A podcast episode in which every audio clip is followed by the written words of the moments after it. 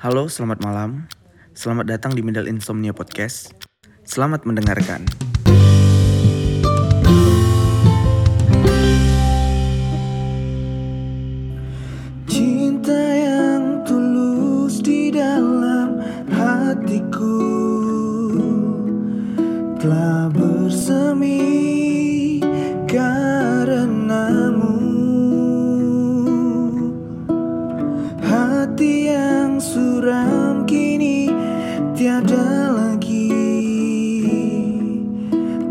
Telah bersinar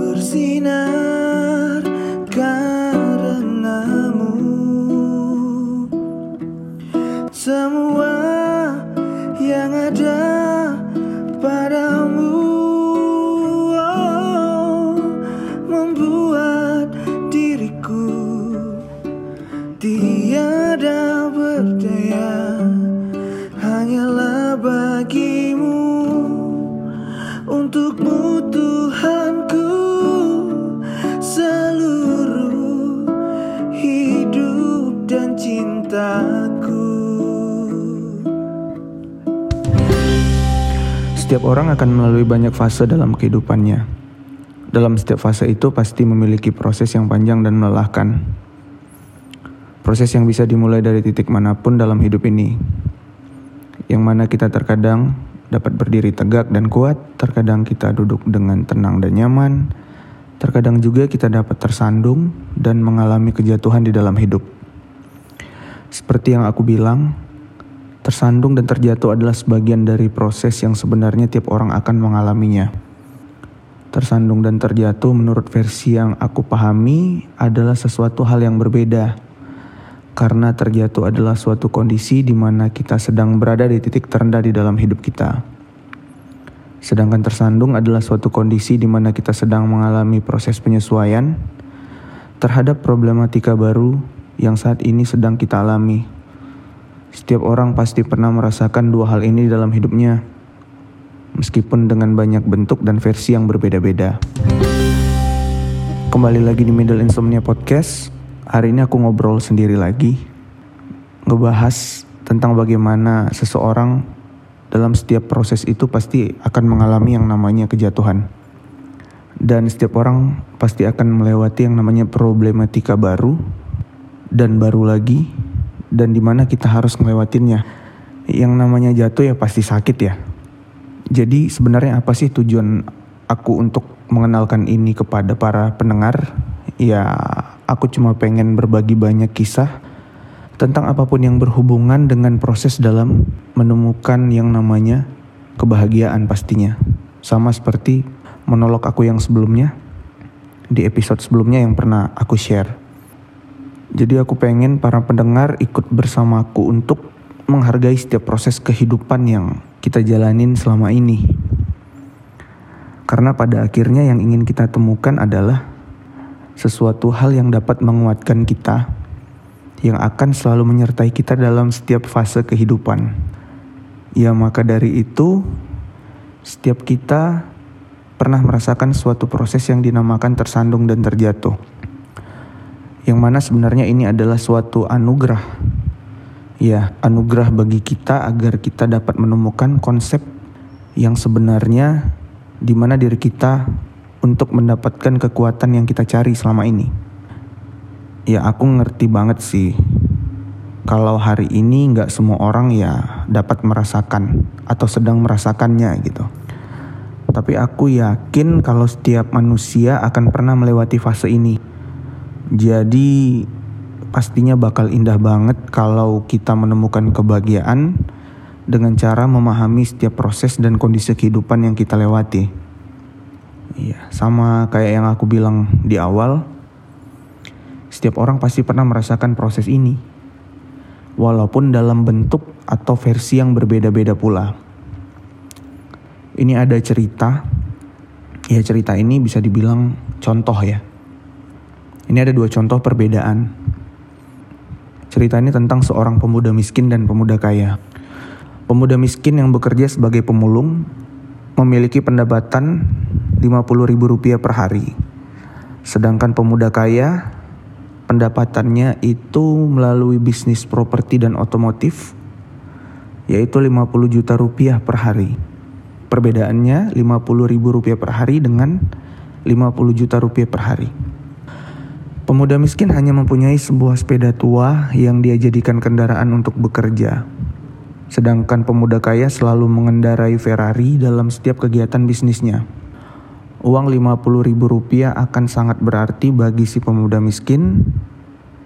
Ya kalau seandainya uang itu hilang, atau pada hari itu ia tidak bekerja dengan maksimal, maka si pemuda miskin tidak akan bisa makan di hari itu karena ya memang itu pendapatannya.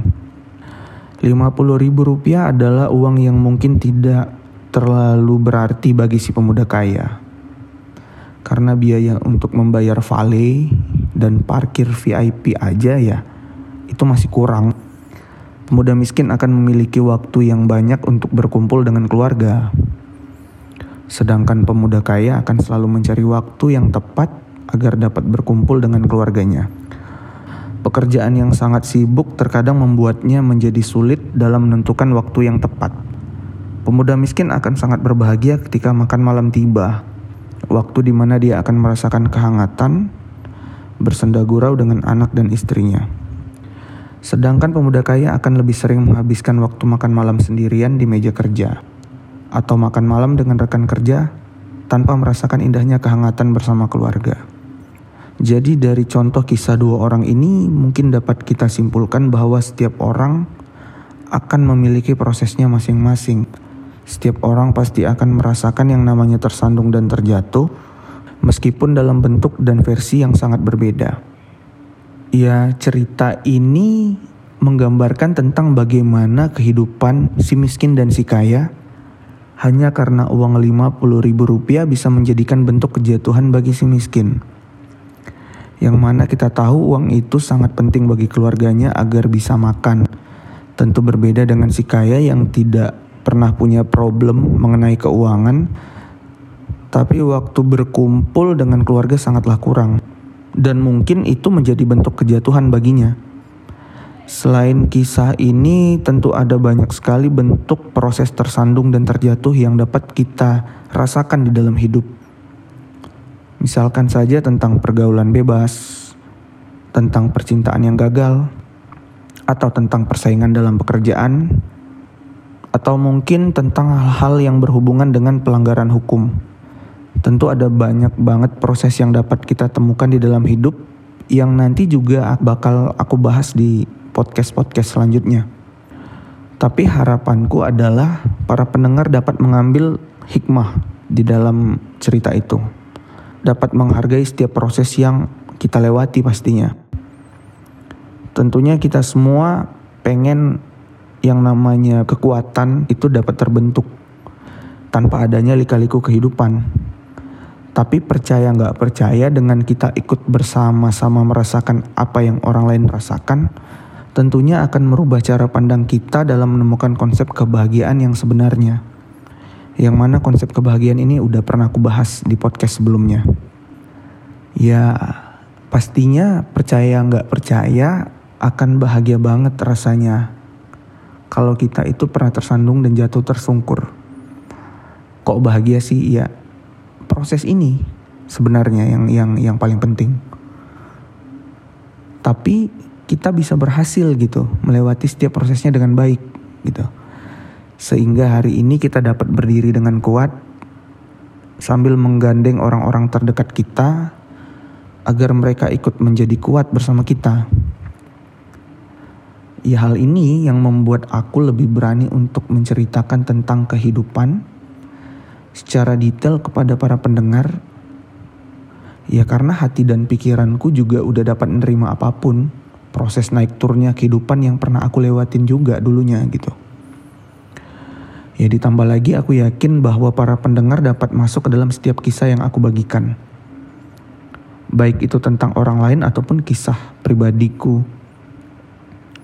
Aku juga berharap sekali bahwa setiap apa yang aku tuangkan di dalam podcast ini dapat bermanfaat dan menjadi motivasi buat kamu semua yang masih setia mendengar podcast ini sampai sekarang. Ya, aku juga pengen ingetin bahwa apa pun yang aku share di dalam podcast ini adalah tentang pengalaman hidup. Tentu apa pun perbedaan yang kamu temukan adalah suatu hal yang sangat wajar. Karena konsepnya pastinya akan dapat berbeda. Karena ini berdasarkan versiku. Dan mungkin versi orang lain bakal berbeda pula. Ya tentunya terlalu normal bagi kita sebagai manusia untuk terus menemukan banyak kebahagiaan di dunia. Banyak sekali orientasi yang bisa kita jadikan dasar yang sebenarnya paling kita inginkan untuk menemukan kekuatan tadi. Ada orang yang bahagia dengan segala ketenarannya, ada yang karena harta kekayaannya, karena istri cantiknya, dan ada banyak lagi hal-hal yang bisa membuat seseorang berada di suatu fase yang mana dia itu sudah merasa kuat atau menjadi kuat gitu. Ya kita kembali dengan yang namanya proses perjalanan hidup.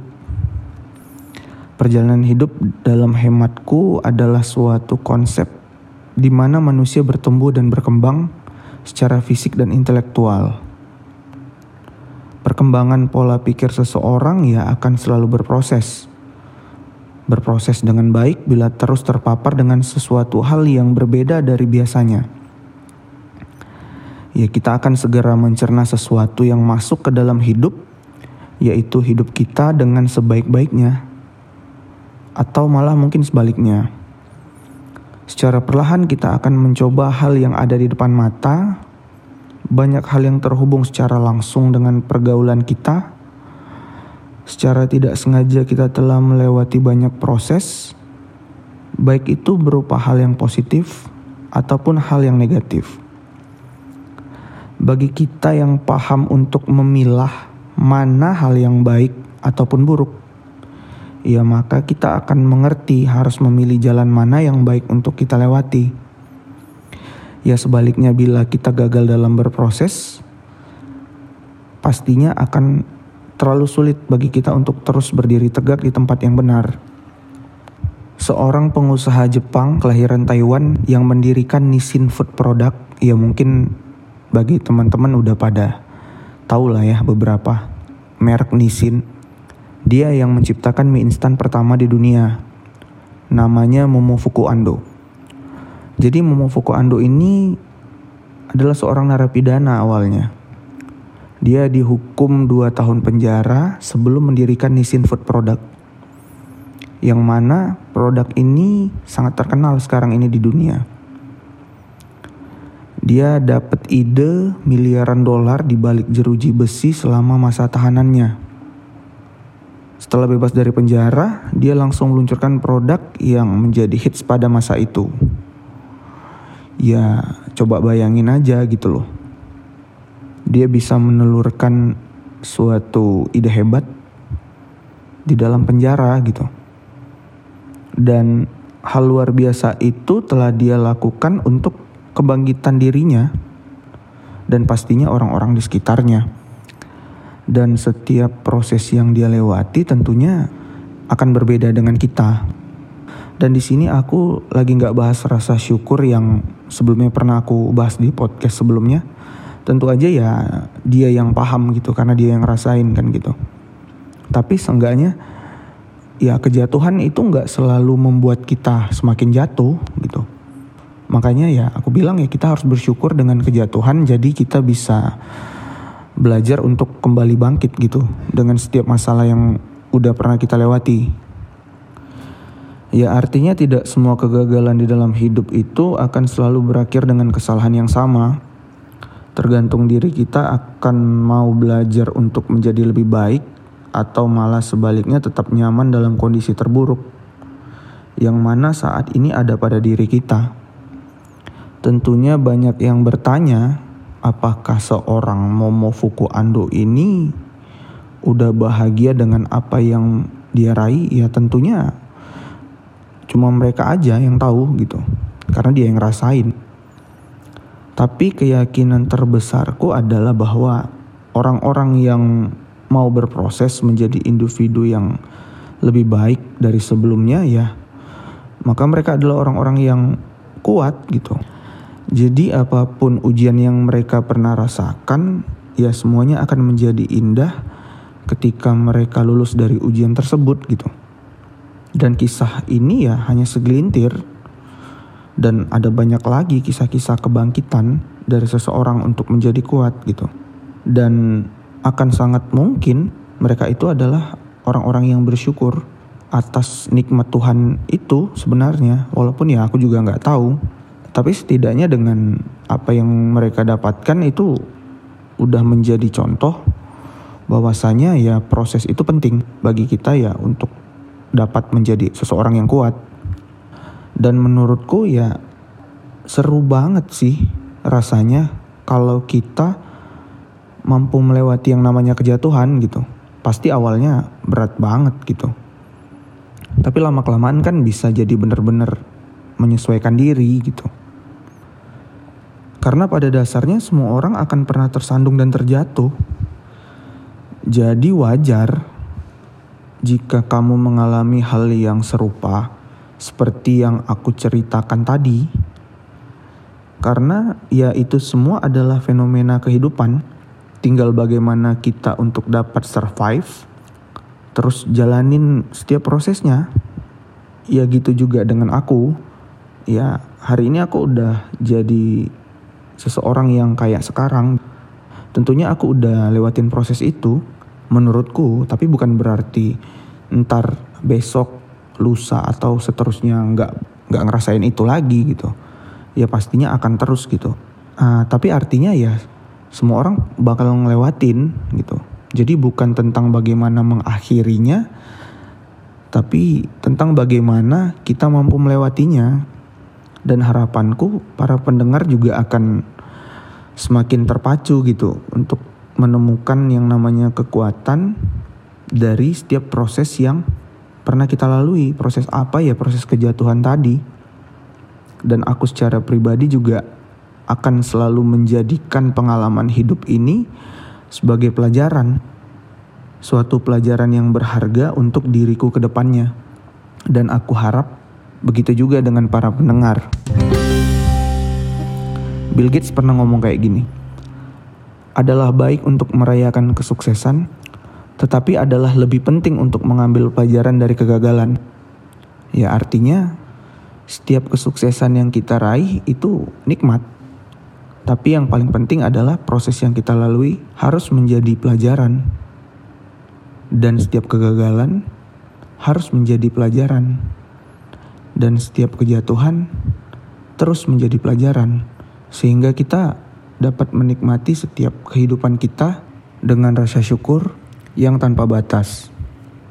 Dan mudah-mudahan setiap pendengar bisa mengambil hikmah dari podcast pada malam hari ini. Dan mudah-mudahan para pendengar juga dapat menjadikan setiap perjalanan dalam hidup adalah sebuah proses yang harus selalu disyukuri. Mungkin itu aja podcast kita pada malam ini. Terima kasih. Selamat malam. you